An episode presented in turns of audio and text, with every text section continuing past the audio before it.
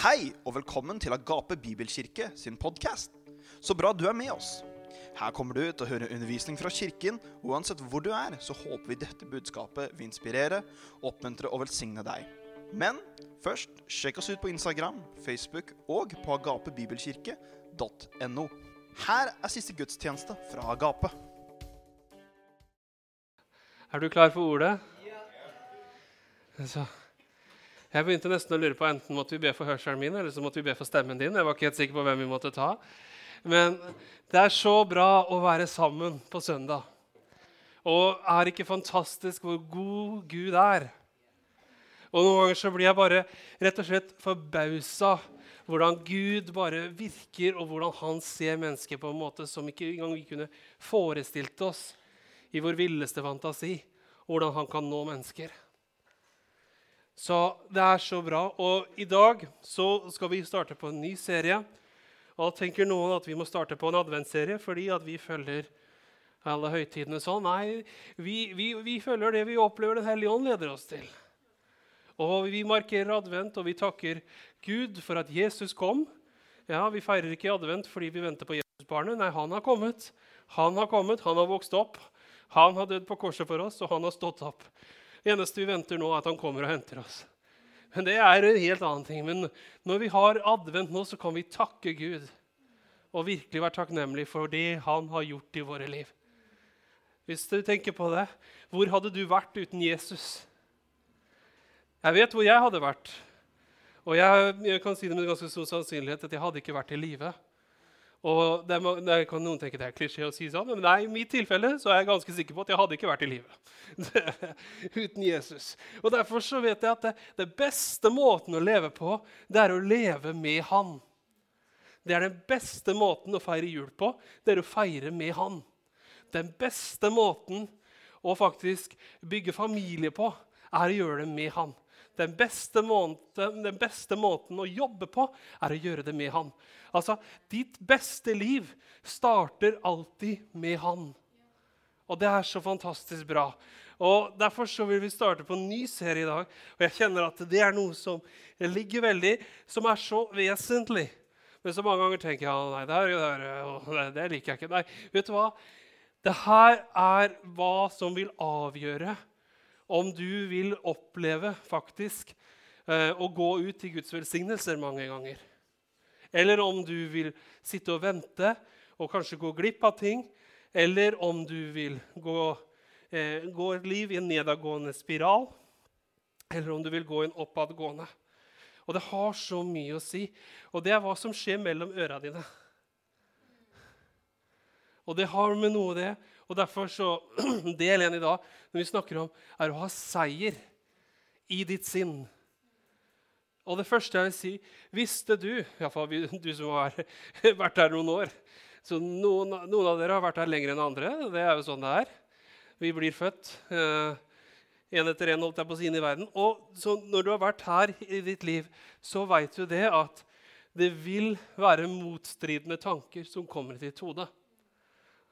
Og jeg kan si det sånn, Vi snakket om det her om dagen. Men når sosiale medier kom, og når Internett og alt det her ekspanderte, var det ikke sånn at samfunnet forandra seg?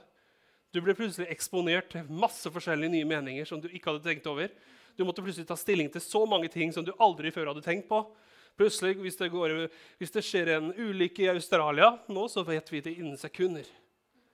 Og Hele tiden så er samfunnet sånn at vi må ta stilling til ting hele tiden. Og i løpet av dagen så tenker du og jeg tusenvis av tanker. Ikke, ikke titalls, ikke hundrevis, men mange tusen tanker går gjennom vårt sinn i løpet av en dag. Og mange hundre valg som vi må ta i løpet av en dag. Vet Du hva? Du tenker kanskje ikke over det engang, men hele tiden så velger du. Akkurat nå så velger du å sitte der du sitter og høre på det jeg sier til deg. Du velger om du skal høre oppmerksom på, eller om du skal halvsove. Du velger hele tiden. Og det er noe med det at vi, våre valg, kommer ut av hva vi tenker på. Jeg kan si det sånn at hvis jeg opplever en god periode med Gud i livet mitt, Og så kan jeg ofte se tilbake, og jeg kan vite hvor det starta.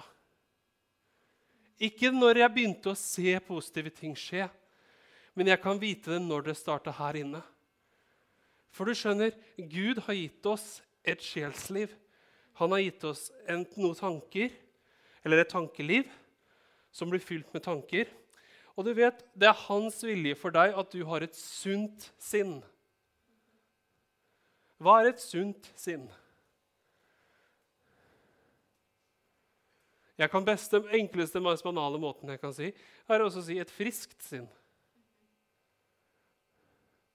Du vet, Det er veldig interessant, men hvis du ser eh, når, Hvis folk mister forstanden, eller, eller ting, så starter det Det skjer bare ikke over natta sånn. Det starter på en plass og leder til en annen plass. Alt det du har tenkt på i løpet av de siste ukene, har brakt deg hit til den plassen du er i livet ditt i dag.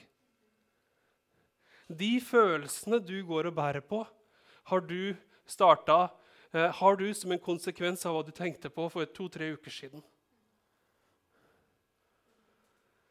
Nei, det er ikke sant. Å jo, det er sant, og jeg skal fortelle deg det i dag hvorfor det er sånn. Fordi vi mennesker vi hele tiden reagerer på det vi ser på utsiden, men forandring skjer på innsiden. Henger du med meg her i dag? Og dette er så viktig at vi er klar over. For jeg møter folk som sitter og ser i, ser i skyene og tenker at nå må det skje en forandring i livet mitt.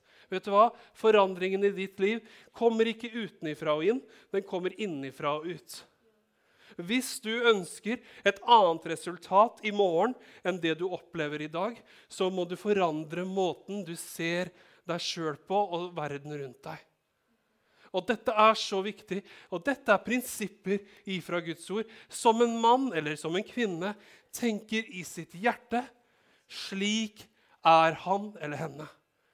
Uavhengig om personen tror på sannhet eller løgn, sånn en person tenker i sitt sinn, slik er den personen. Dette kommer rett ifra Guds ord. Og Dette er litt ukomfortabelt, for mange ganger så ber vi og vi ønsker en forandring utenfra og inn. og Det er så mye deiligere for oss, for da slipper vi å forandre oss. Men forandring i din, i din familie, forandring på din arbeidsplass, forandring i økonomien din, forandring i så mange områder, begynner på innsiden av deg. Og Dette er noe som er så viktig, og jeg vil ta deg med på en liten uh, vandring med meg i dag. Er du klar for det? For det her, ja, Dette er noe som har hjulpet mitt liv veldig mye. Og jeg tror at det her også kan være med å hjelpe deg. Og jeg har funnet ut det at hvis jeg ikke er fornøyd der jeg er i dag, så er jeg nødt til å klage på sjefen så jeg er nødt til å klage på Laura. Sjefen og Laura i dette tilfellet er de begge og den samme. Nei, nei da, jeg tuller. Vet du hva? Jeg kan aldri skylde på Laura hvis livet mitt ikke er bra. Så tenker jeg, men Du vet ikke åssen ekteskapet mitt er. Jeg trenger ikke det. For du har ansvar for dine tanker. Du har ansvar for dine handlinger. Nå skal jeg fortelle deg noe helt radikalt som mange ikke tror på. For folk i samfunnet rundt. Mange tror fordi jeg føler sånn, så må jeg handle sånn. Så forstår man ikke at følelsene er en konsekvens av det man handler på. Man handler på noe som egentlig har starta på innsiden. Forstår du hva jeg mener med det? At alt du og jeg kommer fram til Det er ingen som faller i synd bare over natta. Synd begynner i hjertet. Det er det Jesus sier. Når du, begynner, når du og jeg synder, så har det begynt her inne. Oi, nå er det stille i kirken. Akkurat som Hør nå. Nåde, kjærlighet til andre, begynner i hjertet. Romerbrevet 5.5. For håpet gjør ikke til skamme, eller skuffer ikke. For Guds kjærlighet er utøst i våre omstendigheter. Nei. I våre hjerter. Så det begynner hele tiden. Det er så interessant når Gud gir oss noe, når han ga oss sin ånd. Så det er så interessant, Han putter han ikke rundt oss som en omstendighet. Nei, han putter han inni oss. Han legger sitt liv på innsiden av oss. Hør nå. På innsiden av deg så bor Den hellige ånd. Om du tenker ja, men jeg klarer ikke dette, det er det som er den gode nyheten. Du har fått en hjelper, en talsmann som har gitt deg til å hjelpe deg med disse tingene. Hør nå. Hvis du vil la Gud få forandre måten du tenker på, så vil han forandre ditt liv. Wow! Men å forandre livet uten å forandre tankemåten, det er ikke mulig. Det er veldig interessant. Du kan ta et eksempel. Hvis du snakker med folk som er rike, og hvis du snakker med folk som ønsker å bli rike, så er den største forskjellen er ikke faktisk hva de har på bankkonto.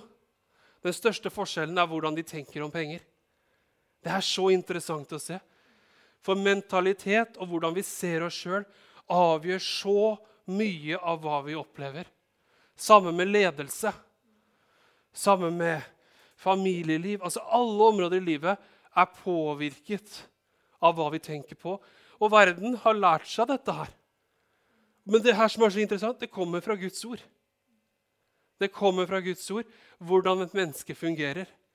Og hør nå, Hvis du og jeg kan gripe tak i hvem vi er i Kristus Jesus, hvis du og jeg kan forstå hva Guds ord sier om oss, så vil livene våre forandre seg i samme retning. Og vet du hva? Jeg hadde ting jeg gikk gjennom og slet med opp gjennom årene. Jeg skal fortelle om det gjennom denne serien her. Men vet du hva? Jeg ba Gud om en forandring. Det skjedde ingen forandring før jeg forsto en ting. At Gud sier, 'Jeg er klar. Er du klar?' Og så skjønte jeg hva det var. Jeg måtte forandre måten jeg tenkte på. Og når jeg gjorde det, så forandret Gud mitt liv. Og var det, det var så fantastisk å se det området hvor det hadde vært full blokk i flere år, var plutselig helt åpent. Husk, Når vi går med Gud, så er det alltid et samarbeid. Gud kommer aldri til å rulle over deg som en dampveivals og fortelle deg sånn er det. Sånn skal du gjøre. Sånn, eh, nå styrer jeg deg som en sånn puppet master. Nei, det er ikke sånn det er. Guds ånd rekker alltid ut hånden. Vi griper den, og så går vi sammen. Det er det som er så fantastisk. Ok? Jeg har lyst til å, å, å ta deg inn i det her. Jeg skal være litt sånn bam, bam, bam, bam i dag. Så eh, det som er fordel, du kan skru, Hvis du syns jeg preker for fort, gå inn på Spotify etterpå og så skrur du ned tempo. Så kan du høre meg i hvilket tempo du vil. Men det her er veldig veldig bra. Og i Noen av ungdommene det, dere kommer til å kjenne igjen dette bildet. Fordi jeg brukte det på fredag, og jeg kommer til å bruke det i dag. Og vi skal tilbake til jungelen. Og i, jeg, jeg vil ikke så litt hvor det bildet faktisk er brukt, men i Afrikas jungel så visste du har, Nå vil jeg spørre deg, har du noen gang fanget en ape? Naboen din teller ikke. så Han kan oppføre seg som en ape, men han er ikke en ape. ok? Så har du noen gang vært i Afrika og tenkt at 'den apen har jeg lyst til å fange'? Nei, OK. Ja, men Det er helt ok. Jeg syns det har vært moro å fange en ape, men det er, det er mine interesser. Ok, Men la oss få et bilde her. Apefellen. Så i, i, Gjennom tiden så har de hatt en måte jegere utvikla for å fange aper. Og dette er veldig interessant. skjønner du. Så her ser vi en uh, artig liten krabat, en apekatt. Og du ser han sitter med en kokosnøtt. Så det disse apejegerne gjorde, det var at de tok en kokosnøtt Enten om han var liten eller stor, så skar de, eh, de Hvis han var veldig stor, så skar de den i halvparten. Og så lagde de et lite høl.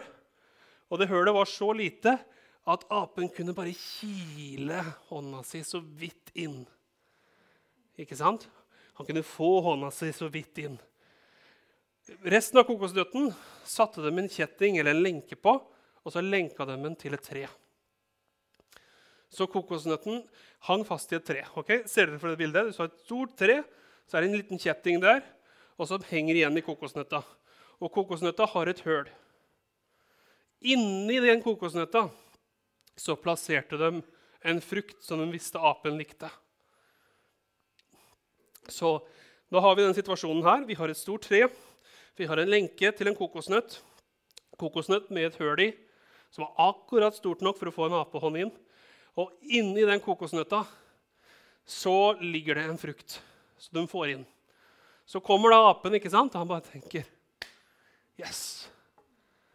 Så tenkte du, når jeg sa felle, så tenkte du Fallem, vollgrav, bur. Et eller annet sånn spektakulært for å holde den apen fanga. Nei, apen kommer, han ser kokosnøtta, og han gjør akkurat det han gjør. Han tenker, skal jeg få tak i? Han kiler hånda si inn i hølet. Og inni der kan jeg låne iPhonen din. Dette her er, en, dette er frukt. Det er apple. Et eple. Så. Og apen kiler hånda si inn, griper tak i. Så yes. Og så skal han dra ut. Men det er et problem. Fordi hva skjer hvis, knytter, hvis alle knytter neven sin? Først gjør du sånn. Og så drar tommelen ned sånn. Så du, akkurat sånn. Og så når du gjør sånn Hva skjer med hånda di? Han blir større.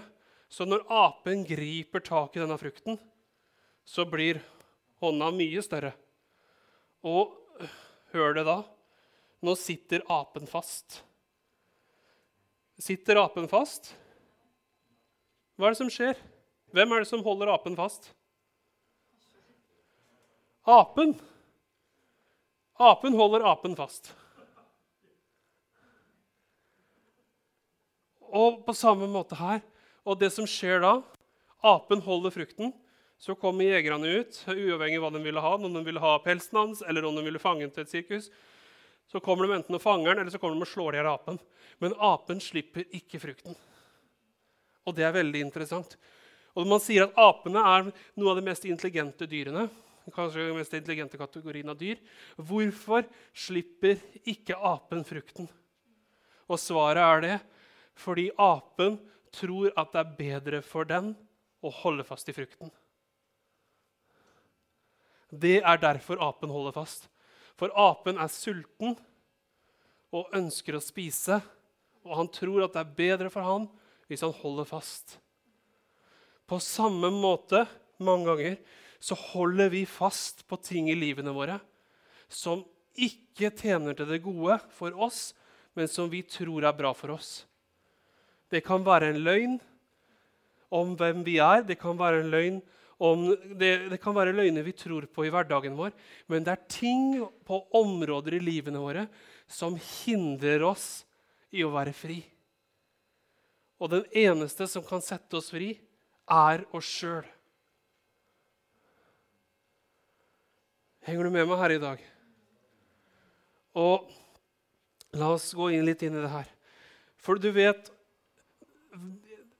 Når du møter noen som er fanga en løgn Har du møtt noen av dem som tror på en løgn? De fleste som tror på en løgn, vet ikke at det er en løgn. Har du tenkt over det? det kan, de, de, fleste av oss, som, Hvis noen tror en løgn i et område av livet vårt, så tror vi ikke at det er en løgn. Vi holder fast på det, for vi tror at dette er det riktige. Men det er ironisk nok det som vi tror skal hjelpe oss, er det som faktisk ødelegger oss. Og på samme måte her eh, så jeg har lyst til å ta et eksempel i første Mosebok, kapittel 3. Vi skal komme tilbake til dette bildet gjennom vi preker. Men jeg har lyst til å lese noe for deg her. Første Mosebok, kapittel 3, vers 1-13. Så skal jeg vise dere noe hvordan løgn kan ødelegge for oss. Og det er det her. Så står det i Første Mosebok 3, 1-13. Vi får det også på skjermen. Så står det Slangen var listere enn noe annet dyr Herren Gud hadde gjort på marken. Han sa til kvinnen, Har Gud virkelig sagt, dere skal ikke spise av noe tre i hagen? Men kvinnen svarte slangen, vi kan spise av frukten uh, av trærne i hagen, men om frukten, men om frukten på, på, treet som er midt i hagen, har Gud sagt, dere skal ikke spise av den og ikke røre den, ellers skal dere dø. Da sa slangen til kvinnen, dere skal slett ikke dø, for Gud vet at på den dagen dere spiser av det, vil deres øyne bli åpnet. Dere vil bli slik som Gud og kjenne godt og ondt. Da kvinnen så at det var godt tre var godt å spise av, og at det var en lyst for øynene, et tre til begjær, siden det kunne gi forstand, så tok hun av frukten og spiste. Hun ga også til sin mann som var hos henne, og han spiste. Da ble, begge, eh, begge øynene, da ble begges øyne åpnet, og de skjønte at de var nakne. De flettet sammen fikenblad og dekket seg nedentil. De hørte da lyden av Herren Gud, som gikk omkring i hagen på den svale tiden av dagen. Adam og hans kone gjemte seg for Herren Guds ansikt mellom trærne i hagen. Da ropte Herren Gud på Adam og spurte han, 'Adam, hvor er du?' Han svarte, 'Jeg hørte stemmen din i hagen, og jeg ble redd fordi jeg var naken, så jeg gjemte meg.' Da sa Gud, 'Hvem har fortalt deg at du er naken? Har du spist av treet?' Så beklager. «Jeg har du spist av det treet som jeg forbød deg å spise av?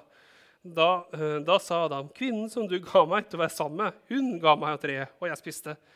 Og Herren Gud sa til kvinnen, 'Hva er det du har gjort?' Og kvinnen sa, 'Slangen forførte meg, og jeg spiste.' Så her, her ser vi en sånn blaming game som kommer til slutt her. Men det er veldig interessant, for at jeg har lyst til at du skal bare tenke på noe, konteksten i dette som skjer. Flere bibelteologer mener at perioden Adam og Eva var i Edens hage, var rundt 40 år.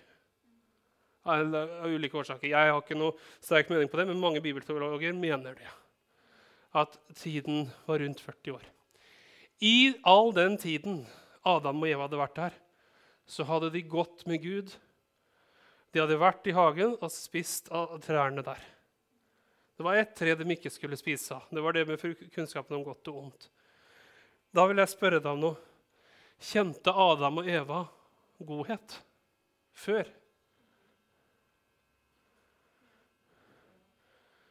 For Gud er god. Ikke sant? Så kommer slangen til dem og sier, 'Har Gud sagt at dere ikke kan spise av noe tre i hagen?' Så sier kvinnen, 'Nei, nei, vi kan spise, men bare ikke av det treet der.' Men så sier slangen noe. Han sier, 'Dere skal slett ikke dø.' Løgn. Og så sier han, 'Men dere skal bli som Gud.' Og dere skal kunne kjenne godt og ondt. Det er tre ting han sier her. Dere skal ikke dø, dere skal bli som Gud, og dere skal kjenne godt og ondt. Og da, Det var fristende for Eva og Adam. Og mange ganger i livet så kan vi være akkurat som Adam og Eva. Vi kan tenke noe så teite de var, så tåpelige de var. Nei, vet du hva? Mange ganger så fungerer vi på samme måte. Vet du hvorfor det? For Adam og Eva, i hele den perioden de har vært der, så har de gått med Gud. Og de har evig liv. Det er ingen død. Det er første. Det neste det står at Tidligere så står det at Gud skapte mennesket i hva da? I Så de var som Gud. Og det tredje var skal kjenne godt og vondt. Kjente de godt? Fordi de kjente Gud. Så hva er det egentlig slangen tilbyr dem? Han tilbyr dem å kjenne ondskap, og han tilbyr dem å kjenne død. Men han pakker det inn i en helt annen pakke. Sånn er det med løgner mange ganger. Fienden vet det hvis han forteller oss straight out du kommer til å dø hvis du gjør det her, så gjør vi ikke det. Nei, det tenker vi, det er en dårlig deal for oss. Det gjør vi ikke. Men hvis det er noe som gir oss noe der og da, som er fristende, som får oss til å på en måte kjøpe oss sjøl inn i det, så vet han det. Og det her er noe med det med, Sånn her fungerer løgner. Løgner som binder oss, er løgner som selger oss død, men lover noe annet. Så det verste er at djevelen sier, han slangen han sier delvis sant. Han sier at de kom til å kjenne ondskap, og det gjorde de. Og hvis du ser konsekvensen av dette etterpå, det er veldig interessant. Det første som skjer etter at de spiser av treet, det er så interessant hvordan de reagerer. Det første som skjer, er at de blir opptatt av seg sjøl. Det er det første konsekvensen. At de snur fokuset på seg sjøl, og de bare 'Jeg er naken.' 'Du er naken.' Det står ikke at de sier det. Nei, så, «Nei, 'jeg er naken'. Og så går de og gjemmer seg. Og så, står det, så sier han at de blir redd når de hører Guds stemme. Det hadde aldri noensinne skjedd før. Det er så interessant. Når vi kjøper inn i en løgn, når vi kjøper inn i ondskap, så kommer frykt. Så kommer fordømmelse. Alle disse tingene her kommer når vi kjøper oss sjøl inn i en løgn. Henger du med meg her i dag? Og denne løgnen her vil kontrollere livet vårt hvis ikke den blir gjort noe med. Og det her er hva som Gud ønsker for deg. At du skal være fri fra løgnen. At du ikke skal være som denne apen som holder oss sjøl fast på et sted hvor vi ikke vil være. For du skjønner det.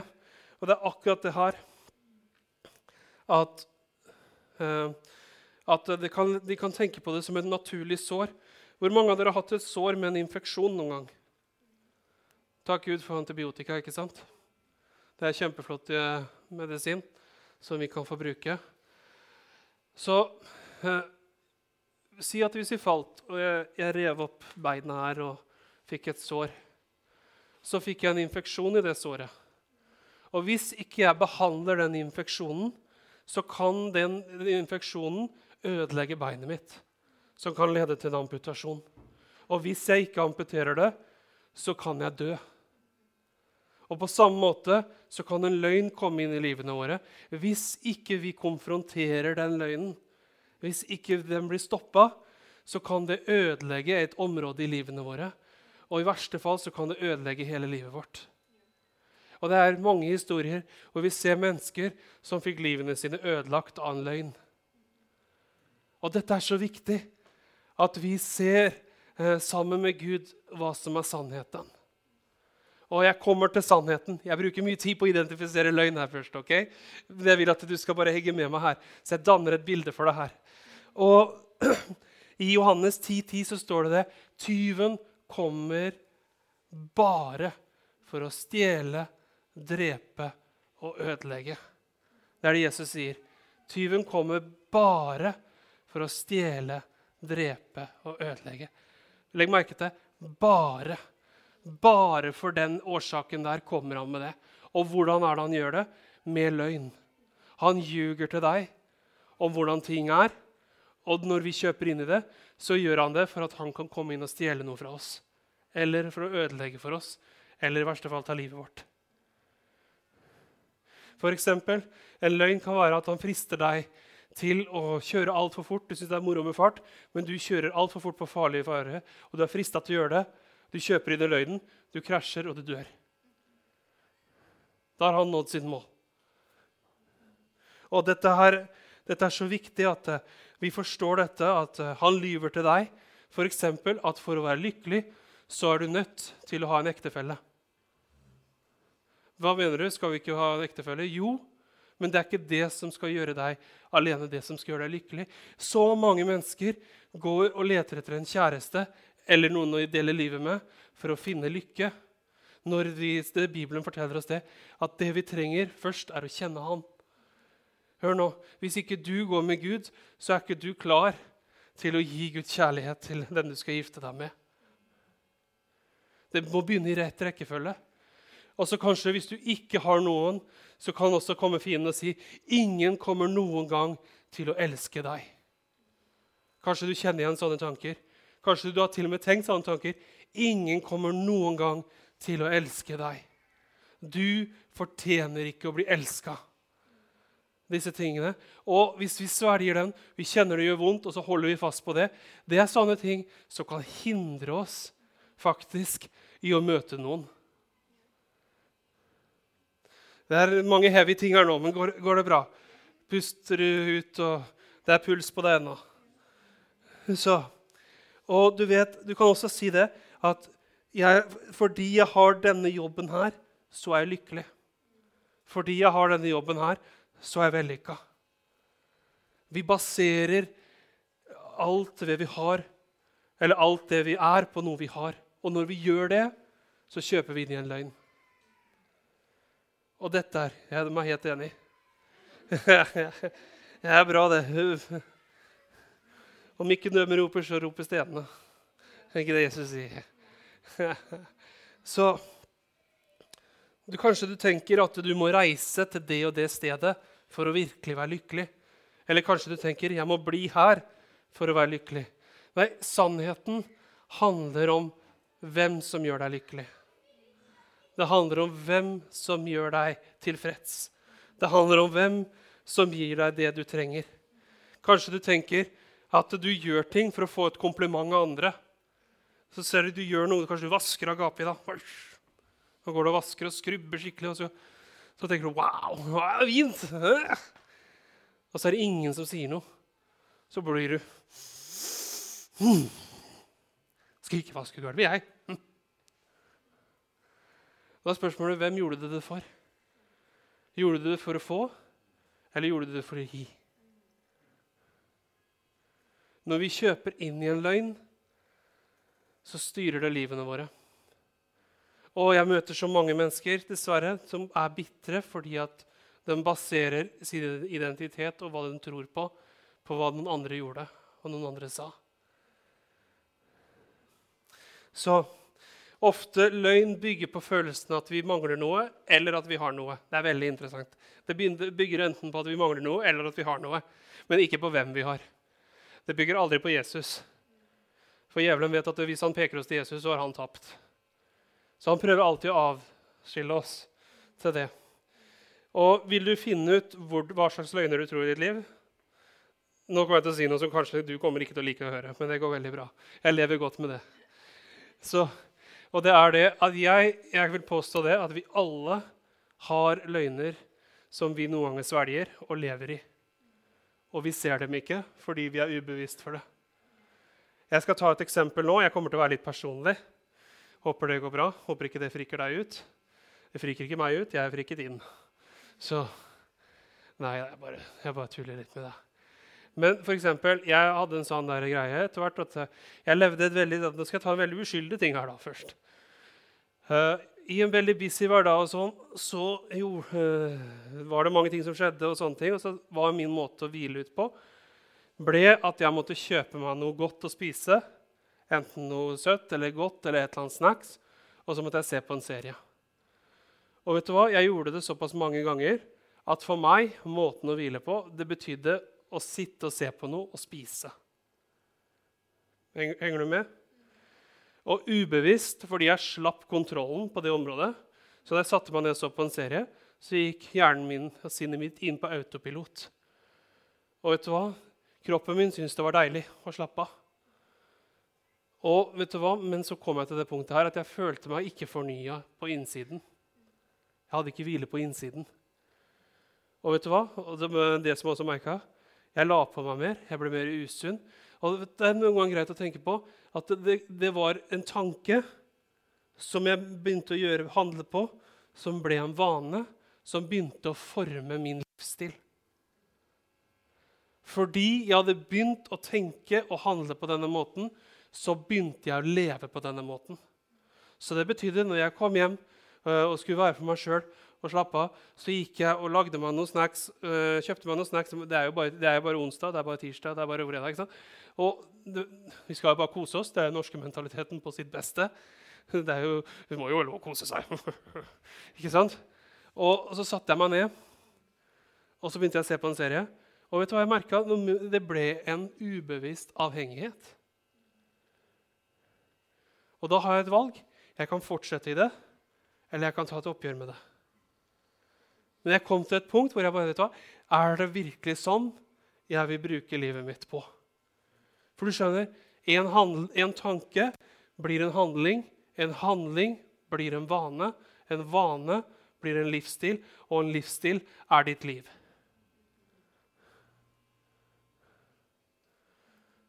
Det er bare et veldig uskyldig eksempel, men det var en tidstyv for mitt liv. Betyr det at jeg har slutta å se på serier? Nei, jeg kan se på serier, men det er ikke måten jeg hviler og slapper av på. Alene. Hører du meg her nå? Det er ikke synd å se på en serie. Det er ikke synd å unne seg eh, noe godt av og til. Men hvis du, deg, hvis du tar det eksempelet her, at du spiser godteri og du lar det skeie helt ut at du kjøper noe hver gang du er i butikken, så må du kjøpe et eller annet søtt. Så eskalerer den. Det jeg merker, er at alle sånne ting blir større og større hvis ikke du tar dem.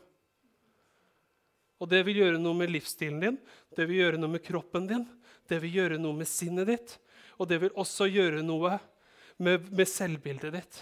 Kanskje du kommer til en plass hvor du begynner å bli ubevisst misfornøyd med deg sjøl pga. en vane du har i livet som du ennå ikke har på en måte sortert ut. Mange av oss er redde for å identifisere vaner som sårer oss, fordi vi liker dem så mye. Henger du med meg på det her? Og dette er kjempeviktig at vi er klar over. For eksempel, det kan være veldig deilig å, å skippe eh, søndagsmøtet. Fordi det, det, trenger jeg ikke. Men hva, hva, betyr det om jeg skipper søndag? Nei, hva betyr det? Det er et veldig godt spørsmål. Fordi hele tiden så må vi spørre eh, oss sjøl trenger jeg dette. Hvorfor gjør jeg dette? Og hva gjør det med livet mitt? Å gjøre dette eller å ikke gjøre dette? Jeg utfordrer deg litt til å begynne å tenke litt sammen med vanene dine. Jeg skal bare kaste ut noen tanker her nå. Det, nå dette er ikke bare for meg, dette er generelle tanker som jeg har sett mange sliter med. Men det første trenger jeg det og det antall penger for å være lykkelig? Trenger jeg så og så mye? Trenger jeg kjøpe den og den tingen for å bli lykkelig? For veldig mange av oss er veldig opptatt av hva vi skal kjøpe oss, og veldig lite opptatt av hva vi har. Neste trenger jeg en ny telefon for å føle meg tilfreds. Trenger jeg å se på nakne bilder på Internett for å bli eh, tilfreds og stimulert? Trenger jeg en tjeneste som alle kan se for at livet mitt gir mening? Trenger jeg å få ros for at livet mitt gir mening? Trenger jeg å spille dataspill? Er det måten? Kanskje det er din måte å slappe av på? Du går inn, skrur på rommet, setter på dataen, spiller og går på autopilot. Hør nå, ikke noe mot dataspill. Ikke noe mot det og det, men alt som tar kontroll i livet ditt, det bør du være imot. Trenger jeg disse og de og de klærne for å bli akseptert og føle meg elska? Trenger jeg å se sånn ut for å bli elska og akseptert? Trenger jeg å gå i kirken i dag?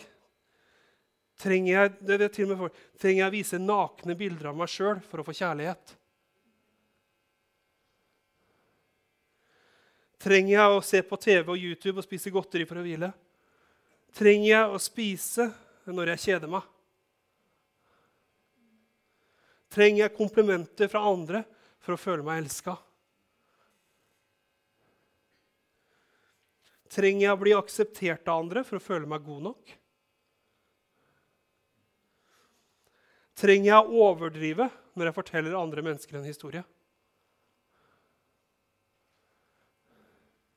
Trenger jeg å røyke eller snuse for å få ro? Trenger jeg Og så kan du sette inn hva du vil. Altså Poenget hva, Tenk litt på livet ditt og vanene dine, hva du gjør. Trenger jeg dette? Nå skal ikke du bli helt sånn manisk. nå går jeg med... Det er ikke det jeg sier, men jeg, jeg gir deg som en god utfordring. Gå sammen med Gud hånd i hånd og gå gjennom vanene dine. For du vet hva? Mesteparten, jeg kan si 80% av livet ditt er styrt av vaner. 80-90% av hva du gjør hver eneste dag, er vanestyrt. Du går opp, du gjør det samme, du spiser det samme, du gjør det samme, går ut. Og det er ikke noe galt i det, men, men, men, pass på at de vanene du har i livet ditt, er forma ut fra et sunt tankesett fundamentert på hva Gud har for livet ditt. For veldig mange møter eh, Dessverre. Det er veldig interessant, men jeg møtte en vegg en gang og ble skikkelig brent. Og vet du hva? Det begynte ikke med at jeg var overarbeida. Problemet var ikke overarbeid på utsiden. Problemet var innsiden. Jeg måtte forandre ting på innsiden. Det som virkelig dro meg ned og brant meg skikkelig, det var måten jeg så meg sjøl og tenkte på ting innsiden. Og Det var ikke det at jeg var forferdelig, eller sånne ting, men det var områder i livet mitt som jeg ikke var klar over, som Gud måtte hjelpe meg med. Og dette er så viktig å ha seier i ditt sinn og være klar over. Jeg til og med vet Fienden bruker falsk. Han bruker tvil, han bruker løgn. Tvil og løgn er det, det kommer ut av samme rot. Får du noe ut av hva jeg deler med deg her i dag? Så. Og hvordan identifiserer du sannhet og løgn? Vel, hvis du begynner å dra i et nøste Har du noen dratt i sånt uh, Jeg har strikka genser, og så drar du, begynner å dra i garnet. Så kommer hele fra hverandre. Tenk på samme måte med en løgn. Du begynner å nappe i det, så vil du finne ut hva den er bygd av. Faller det fra hverandre, så, så vil du se hva det er.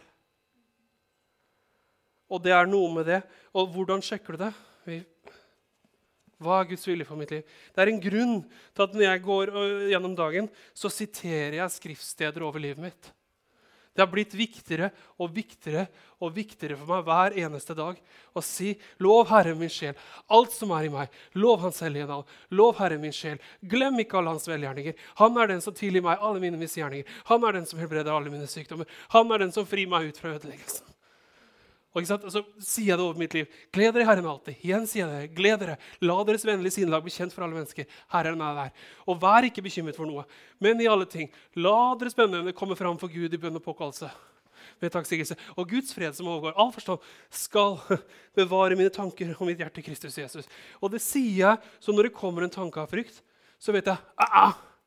Og Guds fred, som overgår all forstand, skal bevare mine, mine tanker og mitt hjerte i Kristus Jesus. Sannheten må erstatte løgnen.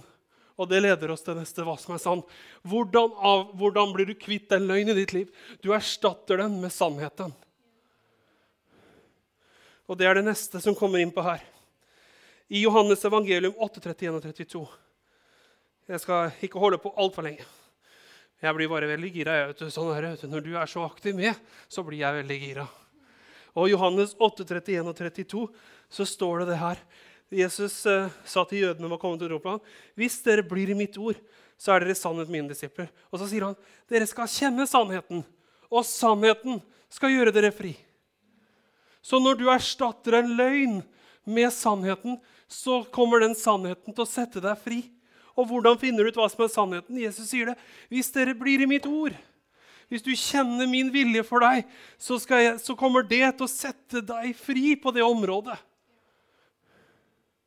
Henger du med meg her i dag? Sannheten setter deg fri. Sannheten må erstatte løgnen. Det er ikke sånn at du kan fjerne en løgn og bare gå blank. Er, kvinner, jeg vet at dere tenker at vi menn kan være sånn. Selv om ikke vi har ti tanker i hodet, så har vi fortsatt én. Og vi trenger å erstatte den ene. Ikke sant? At vi trenger å erstatte tanker av løgn med sannhet. Dette er så, så viktig at vi gjør. Og det, her, det jeg sier nå, det krever litt innsats. Jeg skal ikke si at du kan bare Supert! Da endrer vi vaner. Så går jeg hjem, setter på serien, tar fram godteposen. Starter i morgen. Nei, det krever en dedikasjon. Du må ville det. Hvis du ikke vil det, så kommer det ikke til å funke. Vet du hvorfor? For Gud respekterer fri vilje. Hvis du er villig til å forandre sinnet ditt sammen med han, så vil han forandre livet ditt. Og jeg kan si det sånn, når du går og ser i speilet i dag Den personen eh, du ser i dag, er et resultat av hva du har tenkt på de siste årene. Og noen av oss tenker da 'Å, så bra', og noen av oss tenker uh. Uh, OK, let's do some changes here. Her må det forandring til. Vi må erstatte løgnene med sannheten. Og uten å konfrontere løgnen så kan ikke det skje. Og Det betyr at noen ganger så må vi se hva er som faktisk er sant. Jeg kan ikke fortsette en livsstil av å gjøre de samme tingene, for jeg vet hvor det leder. Som såret som blir får en infeksjon, altså en løgn, og som tar over kroppen helt til kroppen dør. Hvis jeg lar dette gå ut av kontroll, så vil det ødelegge livet mitt. Om du sliter med gambling og du lar det her gå ut av kontroll, så kan det ødelegge privatøkonomien din. Om du sliter med å se på ting på nettet som du ikke burde, så kan det til syvende og sist ødelegge familien din og ødelegge for at du får et familieliv. Det er veldig interessant. Jeg leste en artikkel. Jeg synes det er veldig interessant å se hvordan, eh, hvordan sånne ting kan gå ut av kontroll hos mennesker noen ganger. og lese hvordan de kommer seg inn igjen på sporet. Men dette var en person som hadde slitt veldig med pornografi.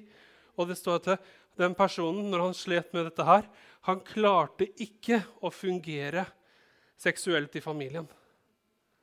Med sin kone. Han klarte ikke å fungere fordi pornografi hadde ødelagt så mye i sinnet.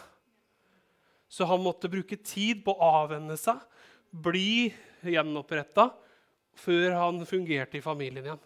Det er veldig trist, men sånn vil en, en løgn er sånn at han, En løgn vil alltid ta deg dit lenger enn du vil gå, og få deg til å betale mer enn hva du er villig til å betale.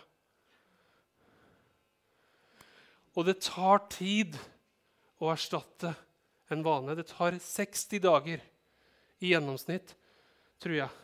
Hvis jeg kan dra på litt nå. Nå, har, nå har ikke jeg skrudd opp, men jeg har hørt det før. Jeg beklager det. Jeg pleier å være veldig nøye med å sjekke sånne ting. Men jeg tror det er 60 dager det tar å banke inn en ny vane i livet og erstatte den gamle. 60 dager. Og det krever en dedikasjon, at du må være villig. Det betyr ikke at byrden ligger på deg alene. Nei, hånd i hånd så går vi sammen med Jesus. Og han, hvis du er villig til å forandre sinnet ditt, så vil han forandre ditt liv. Men det begynner der. Og nå kan vi ta det neste bildet, Christer. Mange av dere har vært ute og besøkt meg og Laura. Og det er et veldig sjarmerende sted ute på landet.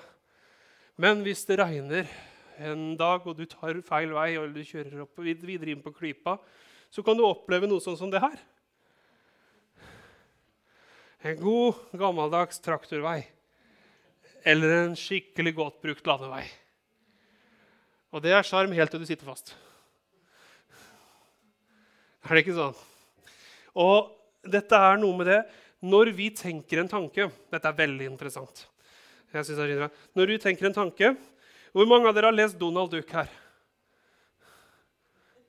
Hva skjer med ungdommen i dag? Her? Leser dere ikke Donald? ok. Det, mange av dere vet om Onkel Skrue. Huh? Onkel Skrue. Ja. Flosshatt, veldig rik den karakteren du faktisk forstår når han snakker. For Du skjønner ikke hva Donald sier. Bare Men i hvert fall, hvis du ser han, han har noe i, i tegneserien som han kaller det grublerom. Er det noen som vet hva det er for noe? Et grublerom er når han er misfornøyd. Så legger han alltid sånn, jeg husker han alltid hånda på ryggen, så, gikk han sånn Så gikk han sånn rundt. Så gikk han samme sporet til han fant ut løsningen. Og hvis du så inn i Det det er ganske interessant, for det er et hus lagd av betong han holder inni. Og han har gått gulvet i stykker. Og er, Han går ned, og du kan bare se Det er, sånn, Det er tegnefilm, selvfølgelig. Men du ser flosshatten gradvis forsvinner ned i hølet. Og det er noe med det, Han har gått så mange ganger i samme spor. og det er vel, og Uansett hvilken Donald-film du ser, så går han alltid inn i samme spor. Det er utrolig morsomt. Men litt sånn spøk til side. Samme er med en sånn landevei. At når du og jeg er ute og kjører, så går vi inn i det sporet som er lettest å kjøre. Naturlig, hvis vi kjører på snø, så kjører vi inn der noen har kjørt før oss. Vi leter etter veien hele tiden. Samme er i sinnet vårt. Vi leter etter veien som vi skal ta. Ubevisst så driver vi sånn. Og vanene dine er det her. Og hvor mer du tenker på en viss måte, hvor mer du lever på en viss måte, hvor mer går du inn i den vanen. Og når vi sier å erstatte løgnen med sannhet, så må du også erstatte veien med en ny. Og det er, som, det er det som tar tid. Nye tanker bygger nye vaner bygger en ny vei, en ny livsstil i ditt liv. Henger du med meg her i dag? Så begynn å identifisere. Hva er det Guds ord sier om mitt liv? Hva er det som ikke er på bølgelengde med det han har for meg? Og Vi skal fortsette med på dette neste søndag. Jeg hadde flere ting, men hei, sånn er det. Vi sparer neste søndag. Men vi kan få lovsangstime opp. Og jeg har lyst til å utfordre deg her i dag. Det er flere av oss, så jeg tror det at vi alle går i ubevisste ting som vi ikke er klar over. Og du kan allerede også bare si, 'Jesus, takk at du, du kan vise meg disse tingene her.' Jeg kan be deg. Og sammen, Gud, så kan vi eh, gå sammen og lage en ny vei i vårt sinn. Kanskje det har vært tanker i livet ditt som har sagt 'du er ikke god nok'. Eller tanker som har sagt til deg du er ikke verdt å elske, eller tanker som sier at vet du hva, jeg trenger ikke Gud. Alt dette her er feil.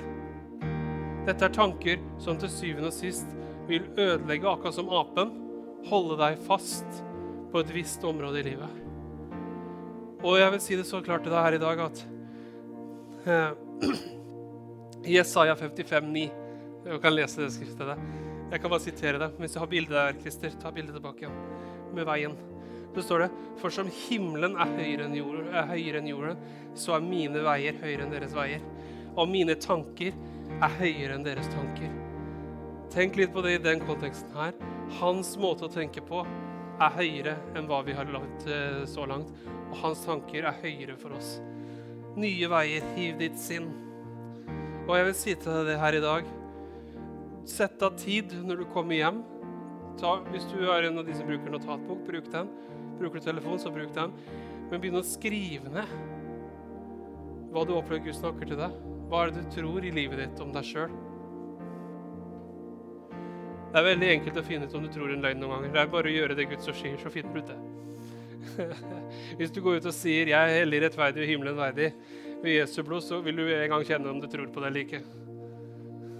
Tro meg, det, det, det er noe med det. Og samme er hvis det ikke er noe som er sunt i ditt sinn, som påvirker familien din, så, så er det også godt for deg å kunne se det og kunne stoppe det.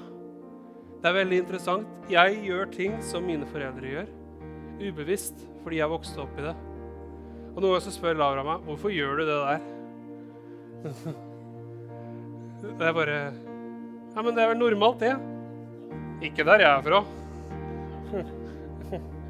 Hvorfor gjør du det der? Og samme med så Når jeg har bodd tre uker nå sammen med Cario-familien, så skjønner jeg veldig godt hvor Lavra kommer fra. Og det er noe med det. Ubevisst så er vi produkt av det vi har vokst opp i. Men vi kan avgjøre hva vi beholder som er godt, og som er til velsignelse, og hva som ikke er fra Gud. Det kan vi konfrontere og si, vet du hva, her vil jeg ha en endring i livet mitt. Jesus, jeg vil gå med deg, og jeg vil erstatte denne løgnen med sannhet. Så begynn å tenke over hvilke løgner eller hvilke ting i livet ditt er der som ikke burde være der og finne ut litt hvorfor. Kanskje du har vaner.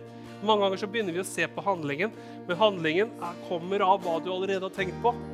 Gå ikke bare etter, Prøv ikke å slåss med handlingen. Slå, gå og ta tanken til fange under lydighet mot Kristus. Det begynner ikke i vanen, det begynner i tankene. Forandrer du tankene, så vil du forandre vanen. Forstår du det? Forandre tanken, så vil du forandre vanen. Ikke forandre vanen, for å forandre tankene. Det går ikke den veien. Du må ta tankene til fange under lydighet med Kristus, og så vil det andre følge. Tusen takk for at du var med oss i dag. Vi vil gjerne høre fra deg og vite hvordan vi kan be for deg. Ta kontakt med oss enten via sosiale medier eller på nettsidene våre, så håper vi at vi ses ganske snart.